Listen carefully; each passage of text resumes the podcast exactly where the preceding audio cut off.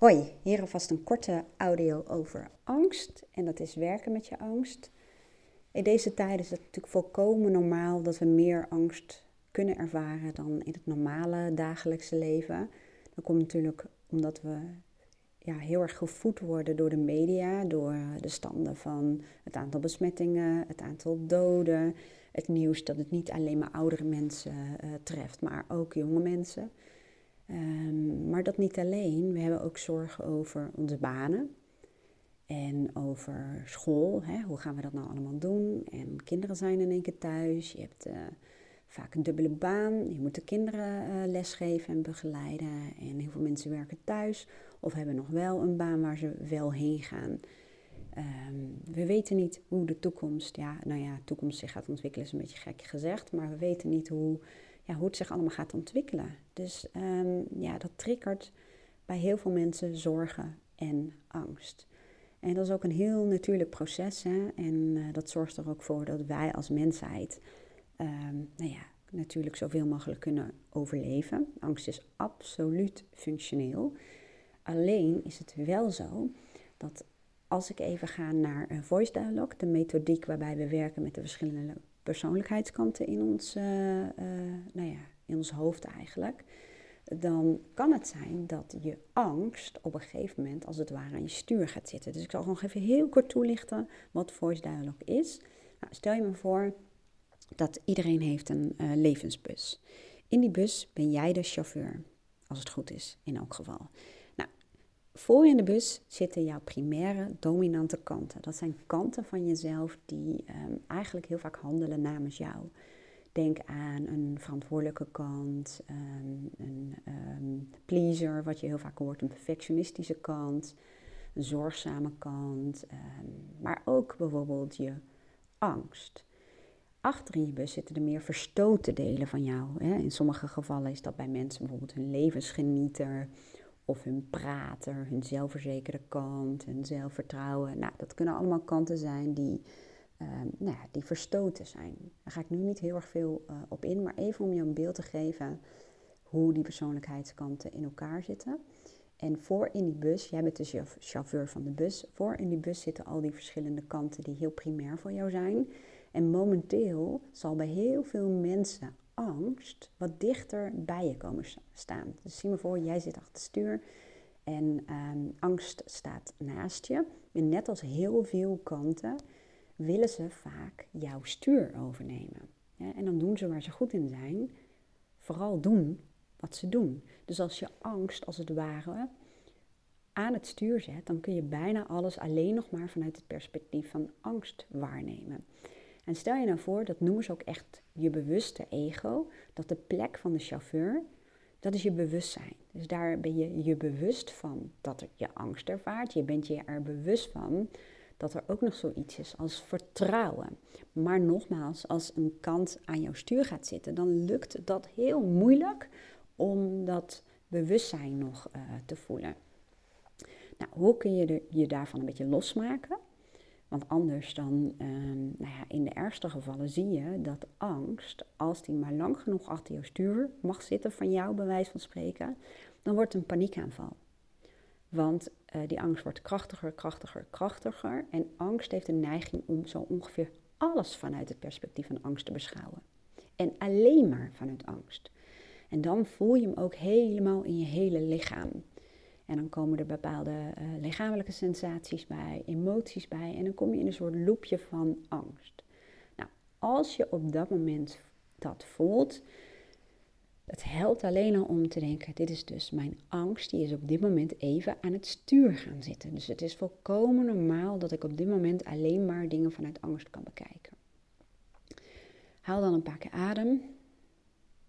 En dan ga je zoeken even experimenteren met wat voor jou werkt. Bij de een werkt het door te zeggen: Dankjewel, angst, ik hoor je, ik ga zo meteen naar je luisteren. En dan erken je dat deel in jou dat op dat moment de aandacht opeist. Die wil wat van jou, die wil je wat zeggen. En ehm, als je probeert weg te drukken, dan gaat het over het algemeen harder schreeuwen, bij wijze van spreken. Dus door het even te erkennen, door, uh, nou ja, zoiets te zeggen, dankjewel. Of, oh, ik merk dat dit mijn angst is, die aan mijn stuur is gaan zitten. Door alleen al te zeggen dat het een deel van jou is en dat jij het niet bent, kan ook al heel erg helpen. Nou, de eerste stap die je dan kan zetten is, ga even lekker zitten bijvoorbeeld. En ja, het klinkt heel suf, ik weet het, maar het werkt echt heel goed. In mijn praktijk komen hier de meeste doorbraken door. Doe dan even alsof angst een apart deel is van jou en alsof je er als het ware mee in gesprek gaat. Dus ga heel veel op een andere plek zitten, een, andere plek dan waar je op dat moment zat, als je al zat. Ga even zitten en dan eh, nou, doe je hardop. Dat werkt het best als je bijvoorbeeld je telefoon gebruikt om het in te spreken. En anders, als het dat even niet kan, omdat er andere mensen bij zijn of whatever, doe je het in je hoofd. En dan, nou, doe bijvoorbeeld even je ogen dicht als dat mogelijk is. En dan zeg je, angst, wat heb je mij te vertellen? Wat wil je mij duidelijk maken? En kijk eens even of er misschien informatie uit jouw angst komt. luister naar de behoeften van jouw angst. Wat heeft die jou te vertellen? Dus laat het maar even gaan, luister ernaar. Vervolgens zeg je dankjewel. En dit is heel belangrijk als je deze techniek gaat doen. Je moet echt altijd eindigen met een kant die jou beter gaat dienen. Want anders versterk je die kant alleen maar meer. Dus ga dan even op het moment dat je naar je angst hebt geluisterd, ga je even op een andere plek zitten. Bij wijze van spreken jouw chauffeurstoel, je bewuste ego. Ga even zitten. Dan denk je, oké, ik ben weer aan het stuur van mijn eigen bus. En dan vervolgens ga je kijken welke kant zou jou nu op dit moment het best kunnen ondersteunen. En je angst mag er ook gewoon zijn, hè? Want die helpt jou en die is functioneel, maar niet als die aan je stuur zit. Op dat moment ga je bijvoorbeeld kijken, nou, ik heb ook nog een andere kant, meerdere kanten zelfs, die mij kunnen helpen. Dat zou bijvoorbeeld vertrouwen kunnen zijn, dat zou optimisme kunnen zijn, Ehm, nou, dat zou helderheid kunnen zijn. Dus ga voor jezelf even voelen, dat kan ik niet voor jou bepalen, welke kant jou op dat moment het beste kan dienen. Op dat moment ga je weer even op een andere plek zitten of staan of whatever. En dan, uh, nou ja, dan doe je alsof dat deel van jou, bijvoorbeeld vertrouwen of helderheid of nou ja, wat het ook mag zijn, alsof die ook een stem heeft. En ga daar ook eens naar luisteren. Ga eens luisteren naar wat jouw vertrouwen jou op dat moment zou zeggen. En dat zouden dingen kunnen zijn als, um, nou, je angst heeft jou verteld uh, wat belangrijk is, hè, waar je aan moet denken. En ik ben je vertrouwen. En ik, uh, nou ja, ga je vertellen dat je goed bezig bent. En dat je um, nou ja, de risico's zo klein mogelijk houdt. En dat je bijvoorbeeld, nou ja, als je de deur uitgaat, dat je je handgel bij je hebt. En dat je daarna je handen schoonmaakt. En dat je kritisch bent in um, nou ja, het aantal mensen dat je treft. En dat je goed voor jezelf zorgt. Dat wil zeggen goed slapen, goed eten. Eigenlijk zegt vertrouwen misschien wel um, dat hij vertrouwen heeft in een goede afloop. En dat hij vertrouwen heeft in het, uh, nou ja, in, in het immuunsysteem van je lichaam. En vertrouwen heeft in je kindjes. En vertrouwen heeft in de mensen om je heen. En dat is een deel. Vertrouwen zou je hierbij kunnen ondersteunen. Maar misschien zijn er nog wel andere delen mogelijk. Misschien ben je ondernemer ben je bang uh, om, om minder inkomsten te hebben? Misschien heb je dan een deel van jou, je ondernemerskant, die uh, een bepaald licht op deze situatie kan uh, laten schijnen. Of nou ja, misschien heb je wel een kant van jou die helderheid biedt. Ga gewoon eens kijken welke andere kanten heb je ook nog. Nou, en daar zit eigenlijk een beetje de truc in. Het is niet de bedoeling dat je je angst gewoon uit de bus smijt, om het zo te zeggen, want die heb je gewoon nodig om in leven te blijven. Alleen er moet een gezond evenwicht zijn tussen bijvoorbeeld je angst en vertrouwen. Of tussen angst en hoop. Want hoop is bijvoorbeeld ook een kant van jou. Dus even samenvattend, op het moment dat je angst ervaart of zorgen, en met een paniekaanval, nou ja, dat is vaak het moment dat je al voelt dat, dat, dat, nou ja, dat angst echt je stuur heeft overgenomen. Maar zelfs dan kun je eruit komen. Een paniekaanval is gewoon een angst die op dat moment heel veel ruimte krijgt en veel te hard wil werken. Dus erken, of ja, erken op dat moment even. Nou, angst is een deel van mij. En die is op dit moment aan mijn stuur gaan zitten, waardoor ik alleen nog maar kan kijken vanuit het perspectief van angst. Super logisch. Bedank het even, erken het even, zeg dat je ernaar zult luisteren. Maar zeg, hè, ik ga er even met bewustzijn naar kijken, of whatever. Dit is gewoon echt aan jou om te kijken wat bij jou werkt. En ik ga je daar nog wel veel meer voorbeelden van geven, maar niet nu. Ehm, nou, als je dan vervolgens even een ander plekje opzoekt en dan gewoon echt even de ruimte geeft aan je angst, luister even naar wat wil die jou vertellen.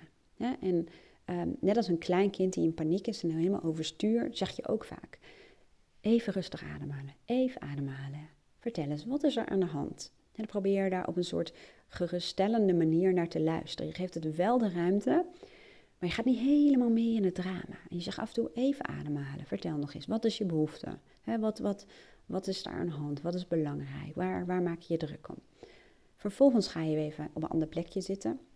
Het liefst even uh, ja, uh, plek die visualiseert, of hoe zeg je dat symbool staat voor jou. Chauffeursplek, je bewuste ego-plek, zoals ze dat dan noemen. Nou, heel veel zitten en dan ga je voor jezelf bekijken welke kanten zouden me kunnen helpen. Dan ga je weer naar een ander plekje en dan laat je ook die kant um, vertellen hoe die kijkt naar de, naar de situatie. En op dat moment, als je dat ook de ruimte geeft, dan creëer je dus evenwicht in je persoonlijkheid en ook in een bepaalde situatie, zonder dat je angst weg probeert te zwiepen. Dat je dat er gewoon laat zijn, maar er iets tegen overzet of ernaast zet, waardoor, ja, waardoor het wat meer stabiliseert, om het zo te zeggen. Nou, als je dit nog nooit eerder hebt gedaan, met mij is het misschien best wel een beetje abstract dan kan ik je wel even een leuke boekentip geven. Dat heet Ik en mijn ikken. De K staat tussen haakjes en dan staat er eigenlijk Ik ken mijn ikken. Ik zet een link wel eventjes hieronder. Dat is eigenlijk in mijn ogen het beginnersboek als het gaat om deze methodiek. Er zijn nog veel meer boeken um, die heel diep ingaan op, uh, op dit uh, thema. Bijvoorbeeld um, Thuiskomen in jezelf, echt een super gaaf boek. De innerlijke criticus ontmaskerd, ook echt een super gaaf boek. Um, die kun je vinden op wendyborst.nl boekenlijst onder Voice Dialogue. En uh, dat is eigenlijk voor de wat mensen die al uh, iets verder zijn, zou ik zeggen. Um, ik en mijn ikke is wat meer geschreven voor de massa's, wat populairder geschreven, echt op een hele leuke manier. Er is ook een ander boek en dat heet uh, Tango van de Ikke. En dat gaat heel erg over al die verschillende kanten van jezelf in relatie tot de ander. Dus vooral over relaties. Want je kunt je voorstellen dat kanten van jou ook weer kanten van anderen triggeren. Maar goed, dat kun je ook allemaal vinden in mijn online academy. Dus daar ga ik nu verder niet heel erg op in. Nou, ik hoop dat je hier een beetje aan had. Al zou het je maar wat inzicht geven, dan heb je de eerste stap al gezet. Nou, ik zou zeggen uh, tot volgende week. Dan, uh, dan ga ik gewoon nog wat meer dingen delen.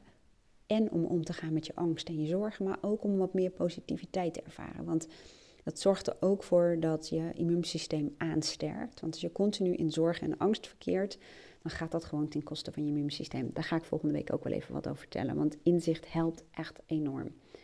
Ik wens je een hele fijne dag. Dankjewel voor het luisteren en tot gauw.